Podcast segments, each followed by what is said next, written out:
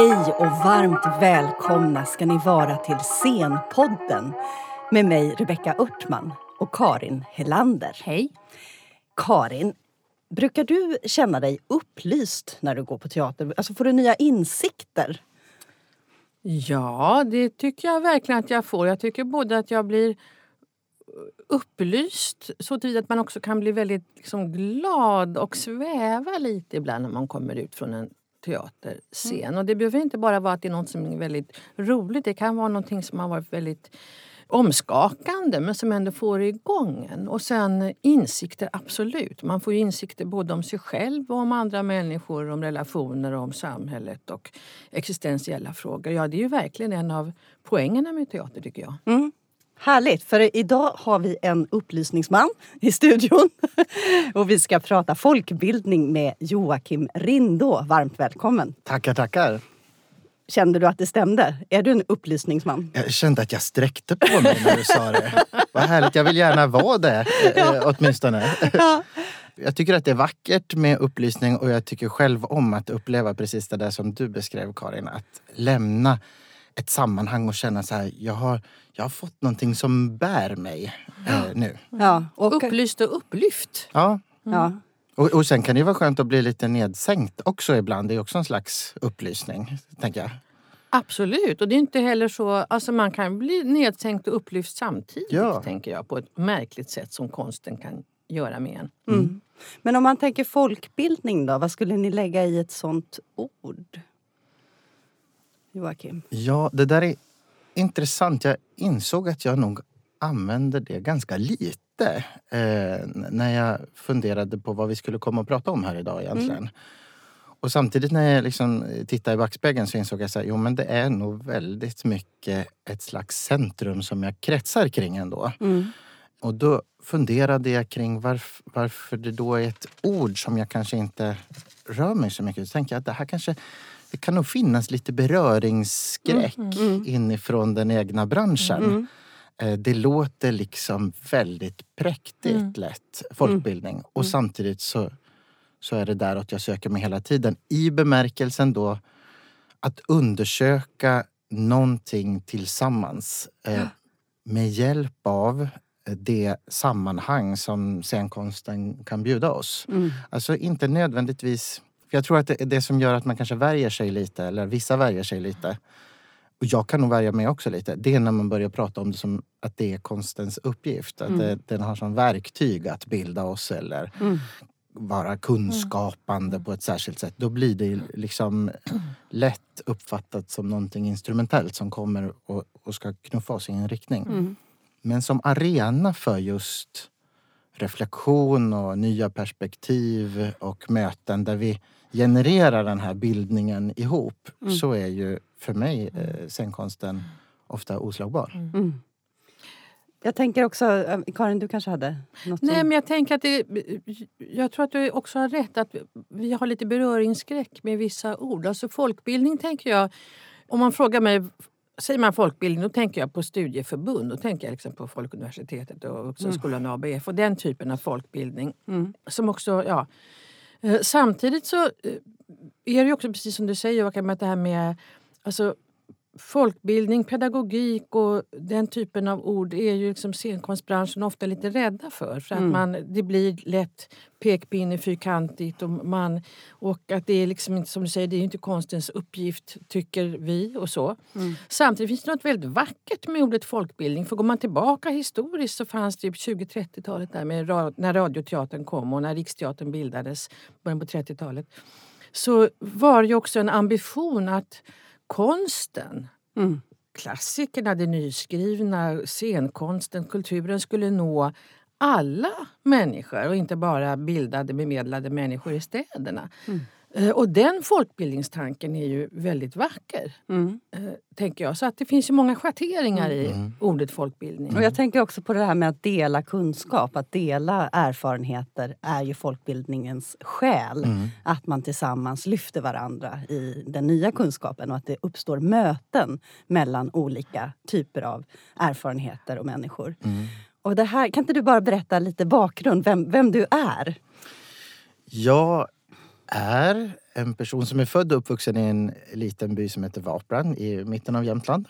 Um, och uh, bodde där tills det var dags att bli vuxen och då flyttade jag till Stockholm. En, en vanlig geografisk förflyttning. En alltför vanlig geografisk mm. förflyttning skulle jag nog vilja säga.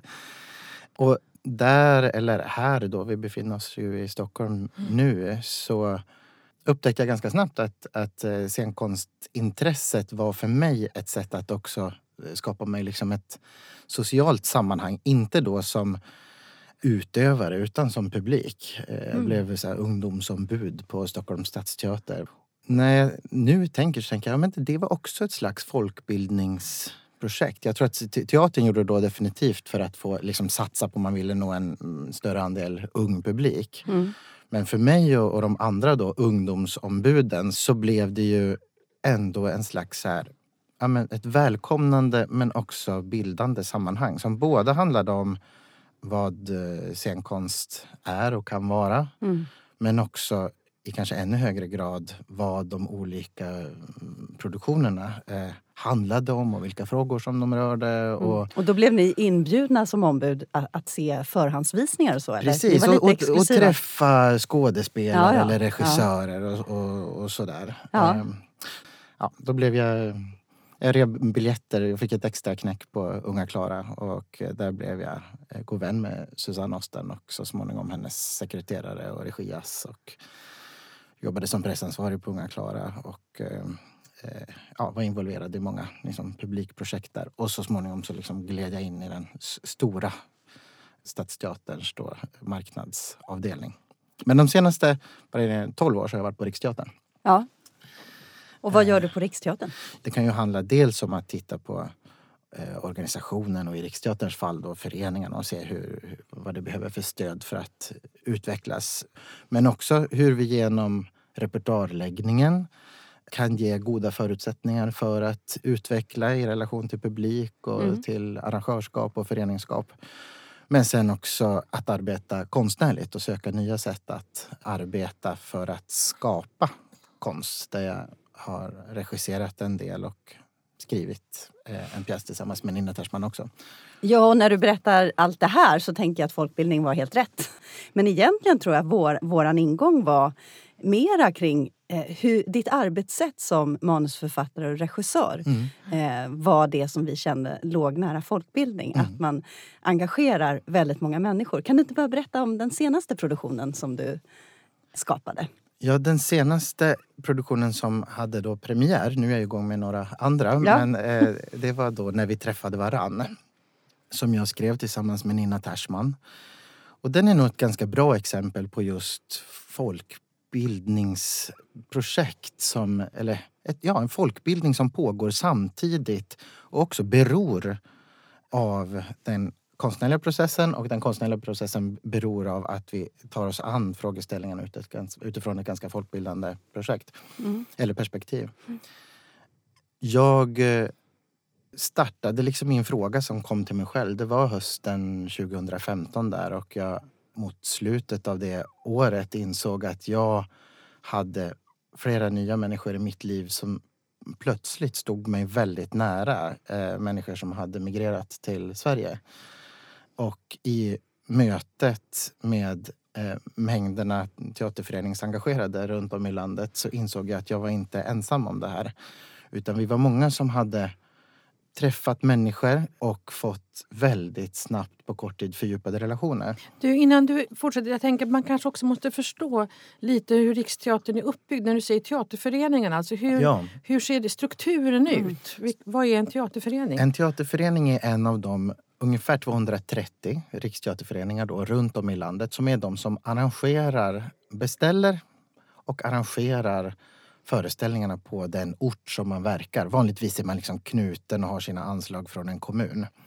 Så eh, de, de flesta riksteaterföreningar har liksom en, en, en hemkommun som är deras spelplan vad det gäller arrangörskap. Och då kan de arrangera i Folkets hus eller bygdegårdar eller ishallen eller ja, de lokaler som finns tillgängliga i den kommunen.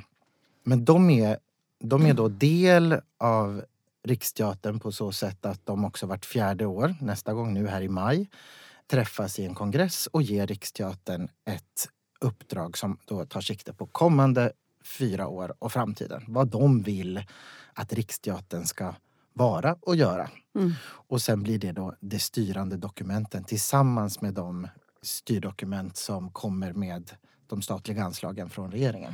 Mm. Så så ser det ut. Och då Riksteaterföreningarnas roll i själva då verksamheten, i det publika mötet handlar ju om att de helt fristående då väljer varje år vad de ska arrangera för scenkonst på sina orter där de arrangerar. Där ju Riksteatern då som producerande verksamhet erbjuder sina produktioner men gör det jämte länsteatrarnas alla mm. turnerande produktioner och fria teatergrupper och andra konstellationer. Mm. Det kan ju finnas lokala initiativ också som är amatörteatergrupper eller eh, revyn är vanligt eh, att det också existerar på orten. Så så ser det mm. ut. Mm.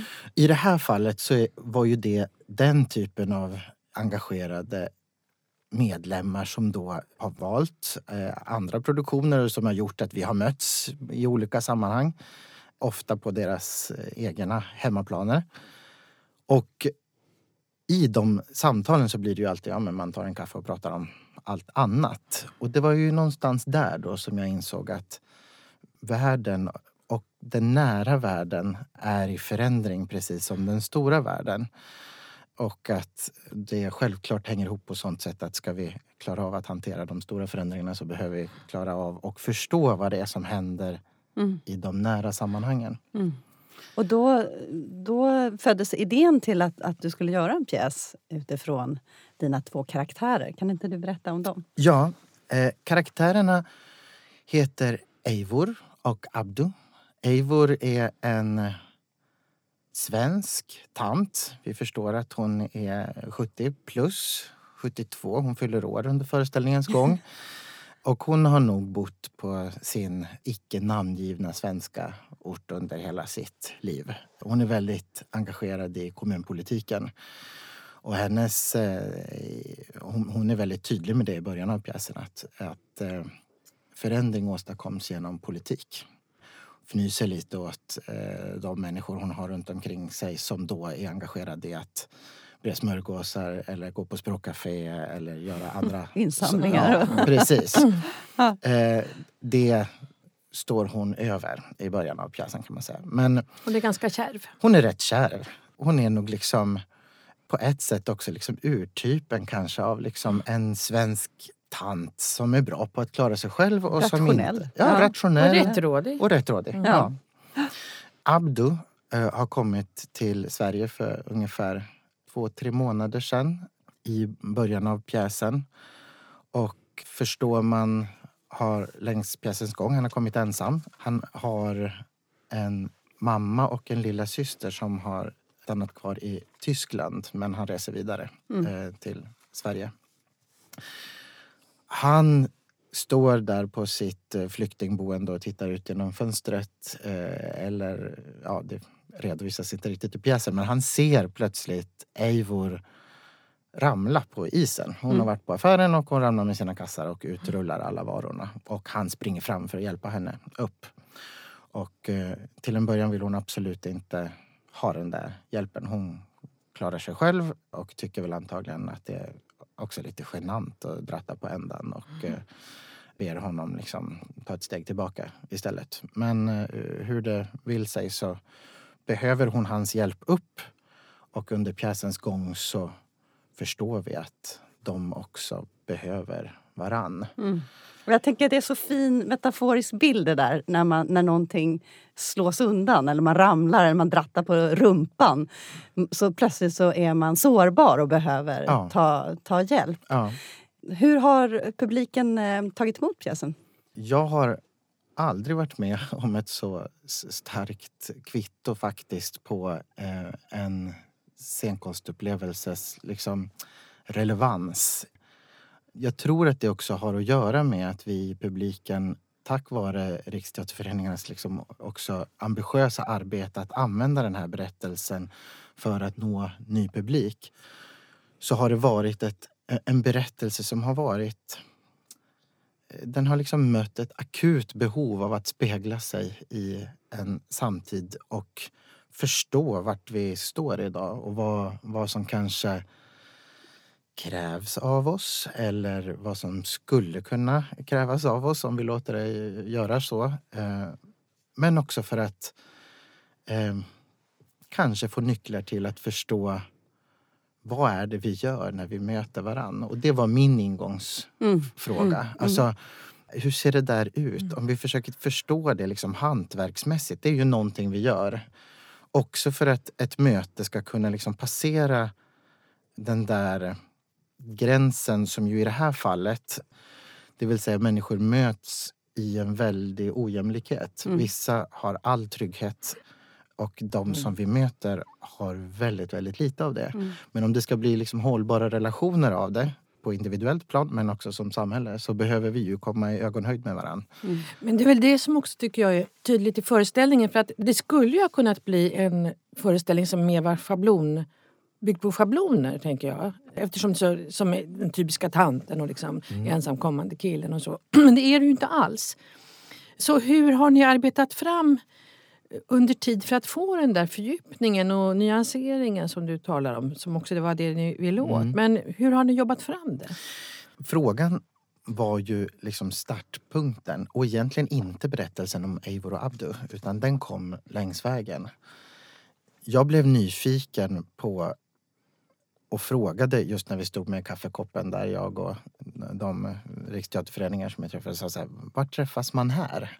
Vilka mötesplatser och hur dockar ni själva in i den här? Och då kunde ju svaret vara, men vi har språkcafé tisdagar och fredagar. Eller här i Boden har vi ett gäng som heter Let's Go Swedish och de har, eh, är tre unga tjejer som har kört under många, många år liksom. Och nu har deras verksamhet exploderat och de träffas på studieförbundet. Mm. Det kunde vara kyrkan, det kunde vara scouterna eller det kunde vara bygdegårdsföreningen. Eller, ja. När det då blev ett produktionsbeslut när jag vände mig till Måns Lagerlöf som då var teaterchefen och berättade så här, om det här skulle jag vilja göra en pjäs. Jag vet inte riktigt vad den kommer handla om men det här är frågan som jag vill undersöka. Jag vet att jag vill att publiken ska sitta i ring när de upplever föreställningen. Då var liksom min metod att jag ville förflytta mig till de här platserna och höra och titta på och prata med människor som möttes under tiden de möts. Men också kunna ställa frågor. Vad den första svensk som du träffade, vem var det? Vad pratade ni om? Den första person som har kommit som invandrare eh, till den här orten, vem var det? Mm hur ser era relationer ut idag? Mm. Så det var ett slags, min egen nyfikenhet i form av ett liksom detektivarbete. Sen blev det ganska snabbt metoden. Att vara där och väldigt snabbt blev jag ju också en del av språkundervisningen för det, var ju, det mm. matchade ju deras behov. Folkbildning alltså? Ja men absolut. Det, det, liksom första 20 minuterna var också, ofta så här berätta om Riksteatern men också så här, skriva regissör mm. på blädderblock och ja. eh, manus ja. och teater och det blev ett samtal om så vad är teater? Vad har man för erfarenhet av teater hemma i Syrien om det var därifrån mm. man kom? Men jag tänker också att, att alltså, du har haft den här nyfikenheten under många produktioner och i dig. Mm. Jag tänker också på det här att ni jag vet att du har köpt något, något sommarhus och bjudit in eh, folk att vara i residens till mm. exempel. Mm. Det, det, känns också som en, en, linje i det här att liksom få, få slappna av. Jag tänker på liksom, Fågelsta-kvinnorna, liksom, när man hade residens och, och, bildade varandra under en tid, eh, under en begränsad tid kanske, mm. att man fick liksom, uppleva sommaren tillsammans. Ja, det är en vacker jämförelse och jag och mina sambos då, Stefan, ja. Marie och Katarina som har det här huset tillsammans och mm som har då öppnat upp hönshuset om somrarna ibland. Ja. Vi gör det ju väldigt mycket för vår egen skull. För ja. att under den där veckan så har vi ju liksom helt nya samtal kring frukost och middagsborden mm. med människor som vi inte har träffat förut ja. och som är där för att fördjupa någonting ja. konstnärligt eller någon frågeställning som de jobbar med. Och jag tänker också det här med att, att, ni är så, att olikheterna eh, varför jag frågade dig Karin också det där, mm. har du, känner du mm. upplysning när du går på teatern? För jag kan ju känna också att det finns en avsaknad på teatern att olikheter möts. Mm. Eh, att publiken ser homogen ut och att vi berättar eh, klassiker och samma berättelser. Så att det finns ju både den där inre... Ja, men det, jag tänker att det är just det som mm. till exempel när vi träffade varann och det finns ju andra, många andra mm, produktioner och uppsättningar som också når det där ett, ett samhällsfenomen eller något, ett problem eller något, eh, något, vad det nu kan vara som man i och för sig vet om. Man har läst och man har kanske träffat på sådär och man är medveten om det. Men vad teatern kan göra det är den här känslomässiga känslomässiga fördjupningen som kan komma som en liksom, torktumlare eller en explosion. Så att man plötsligt inte bara intellektuellt är medveten om någonting utan man också känslomässigt och empatiskt får en annan förståelse för liksom djupet i det här mm. fenomenet. Mm. Det är ju scenkonsten fantastisk mm. på. Mm. Men vad jag undrar över är, alltså om man tänker hösten 15 när det kom så otroligt många flyktingfamiljer och inte minst ensamkommande till Sverige så såg det väl också väldigt olika ut tänker jag, på olika orter i Sverige. Mm. En del fick ju ta väldigt många som kom utifrån och andra har inte gjort det, eller mm. gjorde det inte. Det måste också ha funnits andra röster. Fanns, mötte ni inget mot? Alltså, den ena frågan är det här med hur det ser olika ut på olika orter. Vad spelar det för roll? Och den andra frågan är, möter ni aldrig på något motstånd att ta tag i de här frågorna? Jag har ju uppsökt de eh, orter där de här mötesplatserna existerat. Så att egentligen så de, de orter där det inte har kommit så många människor till, de, de har jag egentligen inte intresserat mig så mycket för. Mm. Utan, och det har ju också, jag menar, naturligt faller det ju så också att det blir ju de teaterföreningarna som också beställer den här produktionen för de känner det här är en relevant berättelse för oss. Det här vill vi beställa och arrangera på, i våran kommun. Sen var ju alltså ingång med den frågan, vad är det vi gör när vi möter varann? Och med utgångspunkten att samla de röster som, som är i färd med att möta varandra så blev det ju väldigt mycket deras berättelse om de eventuella friktionerna eller blickarna eller det där som är... Eh, och det, det var ju intressant att, att ta del av såklart. Eivor vittnar ju i pjäsen om friktion med hennes dotter som ja, kanske tycker att hennes engagemang för Abdu har passerat någon typ Det är lagom. Av, det, ja mm. precis, mm. det borde räcka och kanske hon borde ägna sig lite mer åt barnbarnet mm. istället. Känner igen det. ja, ja, men eh, och, och det där kom ju som eh, vittnesmål längs vägen. Alltså vi befinner oss också i, i relationsstrukturer som utmanas av att vi plötsligt ska vara en eller två personer till vid julmiddagen. Mm. För att mm. en person i familjen kanske har gått och, och, eh, och blivit mm. mamma mm. Mm.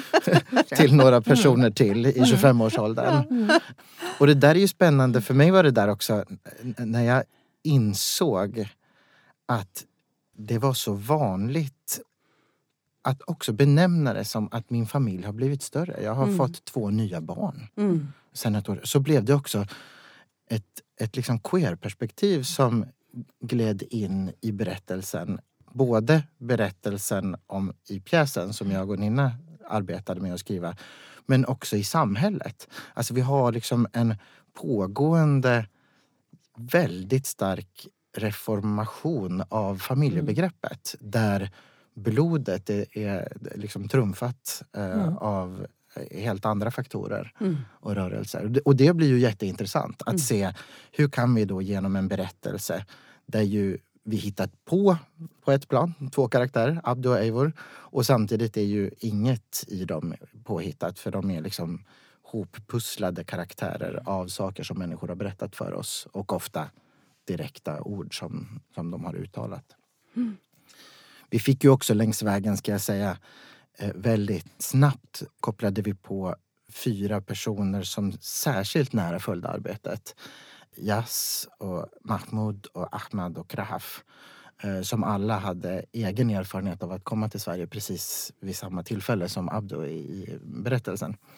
Och de blev ju väldigt viktiga samtalspartners för mm. oss för att också kunna djupdyka i de där frågeställningarna och beskrivningarna som kanske behöver lite mer Mm. tid än, än, och trygghet än vad ett språkcafé kan erbjuda. Mm. Erfarenheter av att eh, korsa Medelhavet till Mm. exempel. Eller de där orden för hur ensamhet eller längtan kan se ut eh, som kräver både längre samtal för att bygga tillit men också längre samtal för att hitta orden Mm. att beskriva de tillstånden. Mm. Det gänget blev då, de, de blev till ett konstnärligt råd. Vi skapade ett konstnärligt råd för föreställningen som både var viktiga samtalspartners rent innehållsmässigt och kunna liksom kolla av fakta också. Hur, hur funkar ett asylärende inifrån och hur känns det? Men också kunna ge snabb respons på delar i manuset, följa repetitionsarbetet, lyssna på språket och titta. Alltså de, de var verkligen med från tidigt. Jag tänker att det här otroligt omsorgsfulla och djupt grundade arbetet då, kring arbetet. Det är också det man känner tror jag som publik i den här just emotionella fördjupningen. Och även om inte allt utsägs av det du säger, alla de erfarenheterna, så förnimmer man dem tror jag ändå Mm. som publik, att de finns där. Och det är därför man kommer så också... Det som, som jag sa, det skulle ha kunnat vara schablon och det blir det ju verkligen inte därför att alla de här lagren ändå känns Mm. och gör verkligen både den här relationen väldigt levande och den förändras ju också över pjästiden. Men också att det blir så två... Man kommer väldigt nära de här två personerna. Mm, Jag blir Jag- glad att du säger det och jag, jag tror att det är så. Vi förnimmer Kunskap. kunskapen Mm. och vi för, förnimmer och, och märker av om den där fördjupningen finns där. Mm. Mm. eh, eller inte. Ja, jag tänker också att, att det här queer-perspektivet har ju varit med dig också i, i liksom flera uppsättningar. Eh, jag tänker att det också måste ha varit nytt när ni turnerade med queer-föreställningar ute i landsbygden. Jag tänker på de här krockarna som blir. Jag är ute efter folkbildning. Konfrontation. Konfrontation. Nej, men att det, att det, när man tittar på utbildnings, folkbildningsbegreppet så handlar det så mycket om så här, utbyta erfarenheter som man inte känner till. Och att komma ut med en föreställning som, som eh, belyser queer, queera perspektiv i en, en mindre... Nu kanske jag är jättefördomsfull, men i, en, i en landsbygd. Eh, hur, hur möts det? Jag tänker också att, att det har varit ett, ehm, eh, ett tema som du har arbetat med. Ja, men det är ju också en, en undersökningsfråga. När jag och Mattias Brunn och Viktor Wigard och Mårten Andersson gjorde Landet inuti tillsammans Just så var ju det. det en grundfråga. Ja. Det var ju mycket jag och Viktor. Viktor kommer från Härnösand och och jag kommer från Vaplan. Nu bor han där igen. Då bodde han i Stockholm och vi hade liksom kommit att prata under arbetet med en, en annan tidigare produktion. Mm. Så märkte vi att ja, men vi, det blev mycket liksom frågor kring stad och land. Och, eh, dels frågor som rörde liksom resursfördelning och det politiska perspektivet. Och min ingång handlade väldigt mycket om så här, varför flyttar jag egentligen? Vilka faktorer var det som gjorde att jag så självklart tog det beslutet? Och jag hade aldrig en upplevelse av att jag riktigt stod i ett vägskäl utan det fanns bara en väg. Mm. Eh, och jag tror att den präglades också av min insikt att jag kommer vilja leva i den närmaste eh, relationssfären med en annan man. Och då var det liksom som att så komma ut. Historien hade en geografiskt urban förflyttning inbakad i sig. Mm. Eh, och egentligen ju äldre jag har blivit desto mer liksom frågande har jag blivit kring min, ja, min egen förflyttning där och intresserad av så här, hur, hur kan... Jag provade ju aldrig ens. Mm. Det, det var ju inte som att jag provade komma ut i, hemma i byn eh, och så gick det inte bra och då flyttade jag. Mm. Utan det där fanns som en, liksom, En en sån stark berättelse. Som var liksom den enda berättelse att ta rygg på. Mm.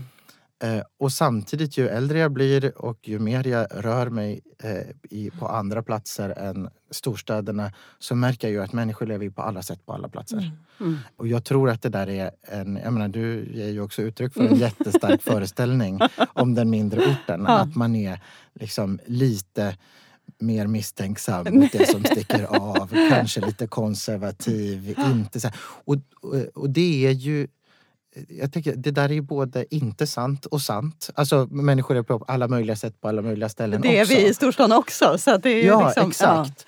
Men det Eh. kanske också beror på att man har hört mycket om... Jag, menar, jag, tänker, jag känner många som har liknande berättelser som den som du har. Att Ja. man, antingen har man prövat eller inte prövat men man vill iväg. Man vill till storstad, man vill Ja. till Stockholm. Mm. Så att... eh, Jo, men idén och påståendet om att det är där vi blir fria och liksom, där är det möjligt och man Ja. kan leva på olika sätt. Den är ju skitstark ja. den berättelsen. Mm, mm. Medan det finns ju massa möjligheter som inte staden erbjuder, som landsbygden erbjuder. Mm. Relationen till natur men också relationen till andra människor.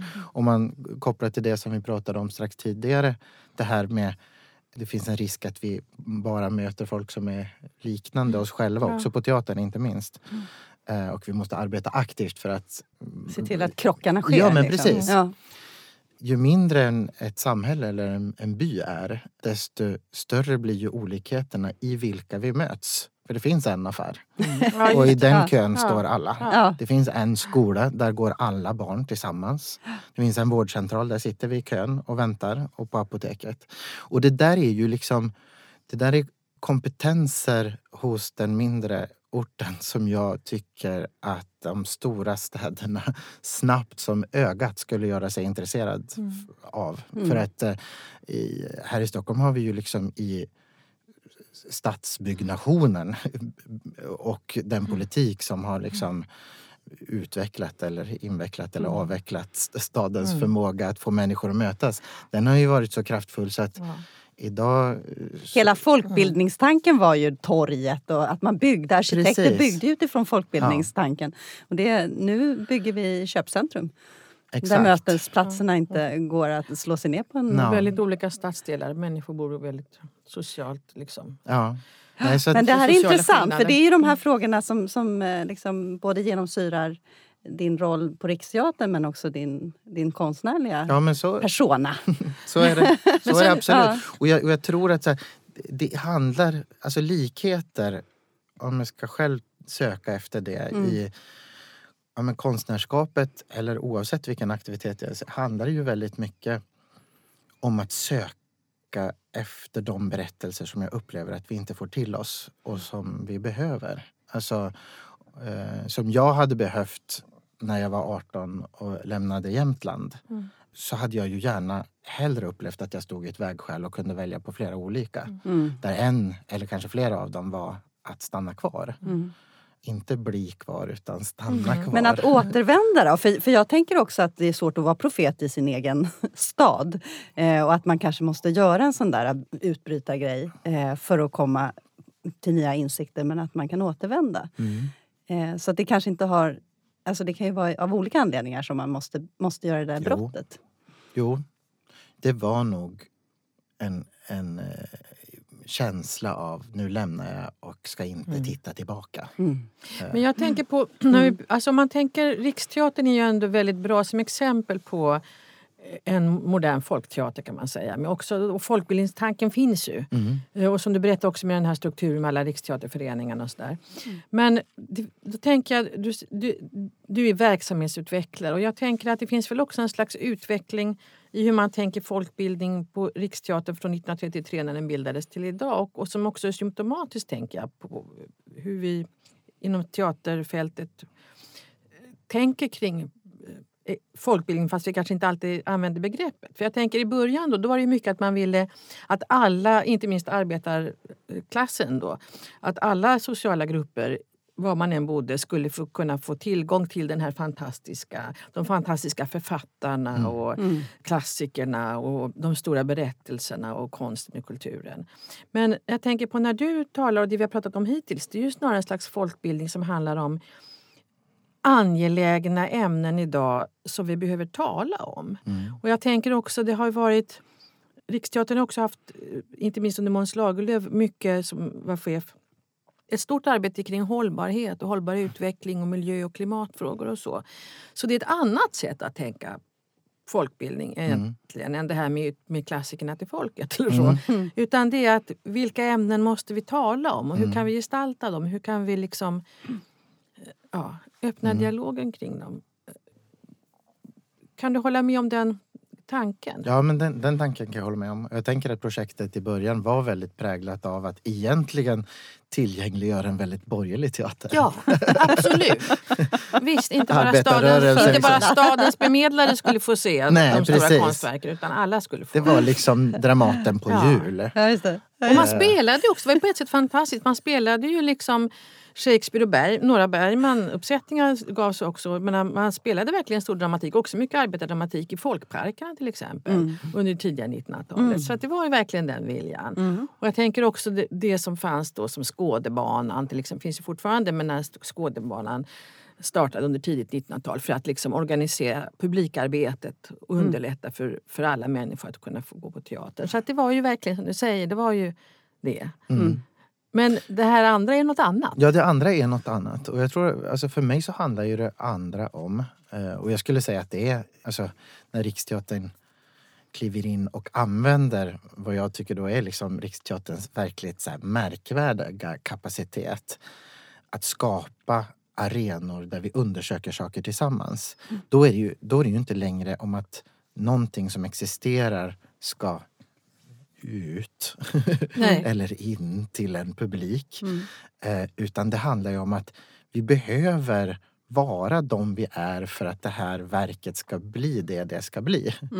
Vi måste börja i en ände där vi träffas, pratar, eh, ger varandra tillgång till allas våra olika perspektiv. Och det är ju liksom, det, det är ju också en annan syn på kunskap än den som vi kanske går till biblioteket för att liksom få till, till oss. Utan det handlar om en kunskap som vi genererar också genom att mötas och lyssna på varandra. Gärna i liksom rum där, där vi också är med, med både liksom kött och blod. Jag tänker på begreppet civilsamhälle. Alltså jag kommer ihåg när, hela den här diskussionen om kulturutredningen som är drygt tio år sedan väl nu. Då pratade man ju väldigt mycket om att man måste upparbeta kontakterna med civilsamhället och det var alltid svårt för människor att förklara vad civilsamhället egentligen var.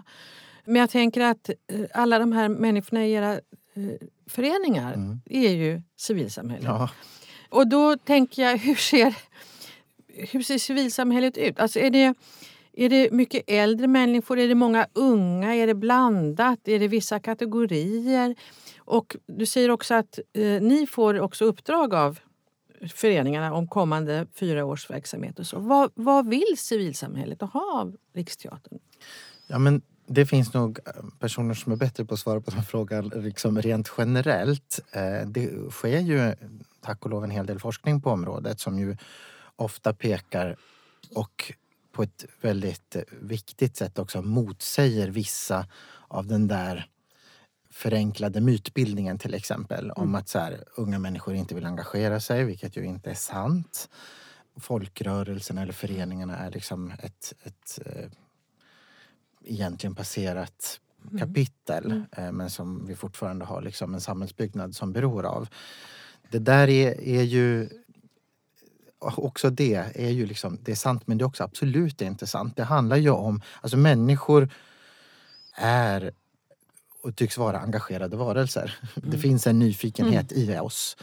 Men tider förändras på så sätt att vi behöver också ligga steget före och vara liksom i samtid med att erbjuda strukturer för att de här liksom mötena ska ske. Om vi tittar på de verkligt stora och snabba folkrörelserna idag. De sker ju de blir ju ofta till genom eh, grupper på sociala medier. Ja.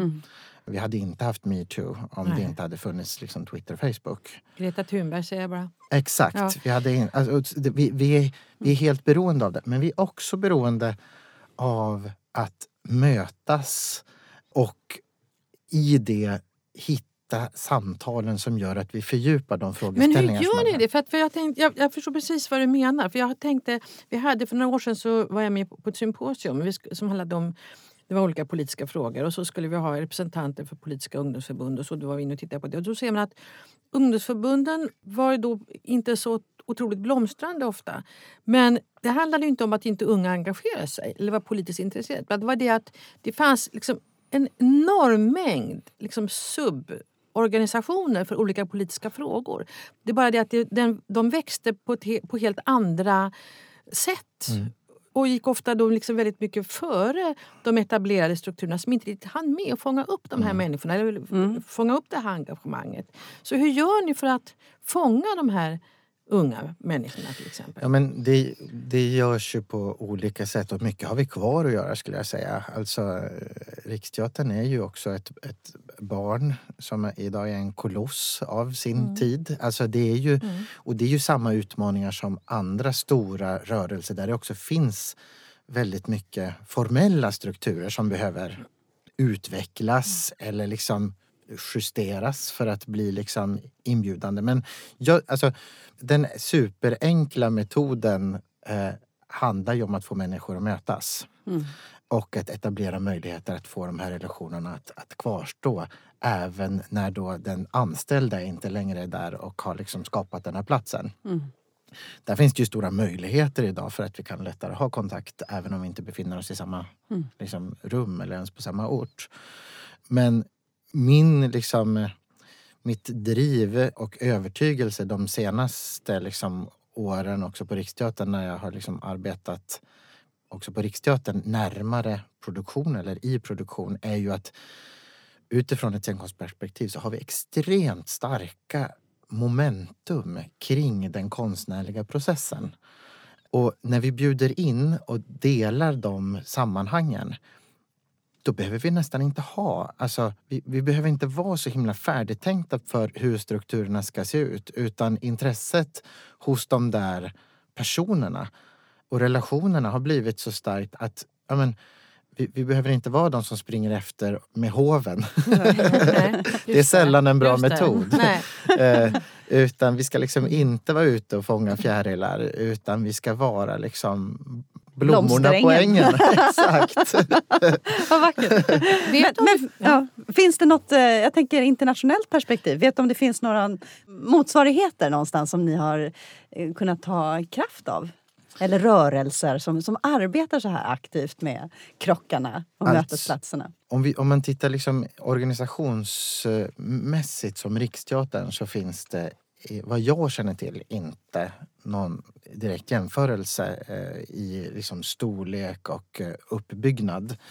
Och inte med kopplingen till liksom statsanslaget. Alltså att det faktiskt är liksom till Riksteatern som regeringen skickar sina pengar för att eh, scenkonsten utöver då länsteatrarna eh, och de turnerande frigrupperna ska liksom säkerställa att den, den når över ett helt rike. Utan där skulle jag snarare säga att Riksteatern är liksom wow-exemplet mm. för många internationellt. Mm. Och ett ganska, för många, liksom okänt. Jag hade en kollega som heter Dougal Hine som kommer från Storbritannien som eh, har jobbat mycket med så här, gräsrotsfrågor där. Han är mm. journalist, han har varit på BBC där men kom att arbeta under ett par år ungefär på Riksteatern han är väldigt så här, uppkopplad internationellt eh, kring just så här, gräsrotsengagemang. Ofta kring liksom, klimatfrågor och har ett, ett starkt sånt nätverk som egentligen var första gången som jag liksom, då, ur en liksom, europeisk kontext fick smaka på genom honom. Där var det ju många av hans vänner som kunde liksom, när han berättade om Riksteatern där han nyss hade börjat jobba, mm. sa så här, men wow, gud så modernt. Mm. Liksom. Hur har ni lyckats konstruera det här? ja. ja. det hände 1933. och det här är en modell som, som egentligen finns på flera liksom, viktiga samhällsområden inom Sverige. Men just att kunna mm. få utveckling men också liksom en stark konstnärlig produktion att äga rum i en sån kontext är nog, tror jag, idag mångas också så våta dröm. För att det är liksom...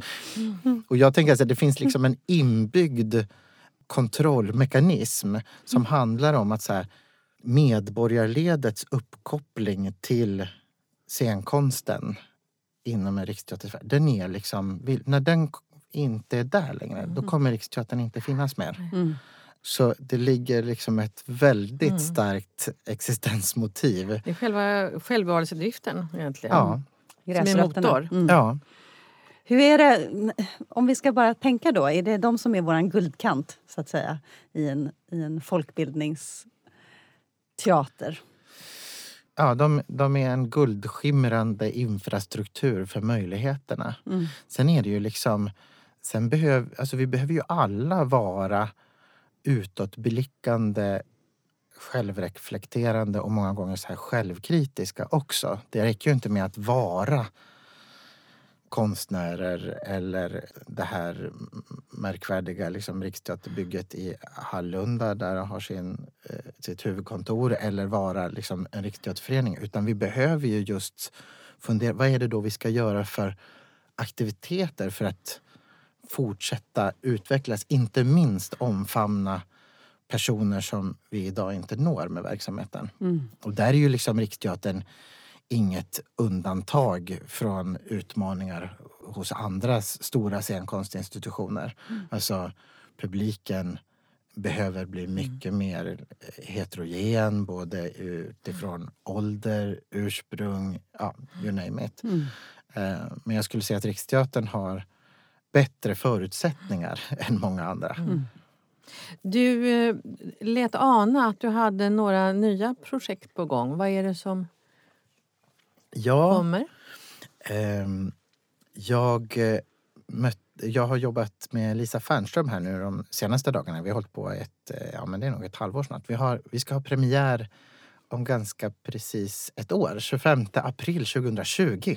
Skriv in det i kalendrarna. Jajamän! Då blir det något så märkvärdigt, nämligen som en simultan premiär på ungefär kanske 40 orter runt om i Oj. Sverige. Mm. Eh, på ett, en stor hörlursproduktion som heter Kartan över oss. Där vi tänker oss att kartan över oss är det landskap av känslor som breder ut sig inom oss när vi försöker tänka på framtiden. Så det blir en slags eh, undersökning av inre rum, känslor, reaktioner på tidens rand kanske. Alltså där vi står idag och försöker mm. förstå vart vi är på väg. Och har ni jobbat fram den på liknande sätt? Som mm. är... Det har vi. Eh, eller håller på ska ja, man ju säga. Ja. Eh, vi har börjat möta engagerade i teaterföreningar men också nu i Göteborg till exempel så träffar vi då gänget på Riksteater Väst, konsulenter eh, och eh, distriktsansvariga där som gav sina inspel. Eh, vi har skrivarworkshops nu som är just så här flödesskrivning där vi försöker liksom kicka igång och sätta ord på de olika tankar och känslor som triggar igång när vi pratar om framtid. Om framtid. Och vi vill väl, alltså i, det här blir ett också teknikutvecklande projekt för det blir en Lisa Fernström har ju, jag har också jobbat lite grann men hon har jobbat enormt mycket i hörlursformatet. Men här ska vi liksom ta ett steg till i själva tekniken och låta satelliterna ovanför våra huvuden också känna av utifrån GPS-koordinationer var vi befinner oss eh, och kan då liksom lägga ut en spelplan, en karta över oss eh, på den lokala orten. Eh, där ju både innehållsmässigt eh, vi nu arbetar med att bygga själva berättelsen. Men där här också väldigt konkret kommer vara eh, Riksteaterföreningarna och de som de kopplar till sig som kommer då bes, ja, få, få ange var, var ligger Ta ut platserna helt ja, enkelt precis. för vart dramat ska utspela sig. Var, ligger besvikelsens busshållplats mm. på våran ort? Mm. Eh. Men det låter ju som 25 april sa du, 2020. Mm. Det låter ju som det skulle kunna bli sådär deprimerande, nedslående på tidens rand som samtidigt blir både upplyftande och mm. upplysande. ja. Kanske? Förhoppningsvis. Ja, vi, Just nu skrattar vi mycket när vi ja. skriver. Det kommer bli ett eh, stycke där det förhoppningsvis både får eh, utbytas skratt och eh, andra slags mer existentiellt kanske drabbande känslor. Det ser vi fram emot. Tack Joakim Rindå för att du kom till Scenpodden och pratade folkbildning tillsammans med oss. Tack för att jag fick komma, väldigt roligt. Tack Karin. Tack själv. Ni möter oss igen om ett par veckor då med en ny spännande gäst. Missa inte det!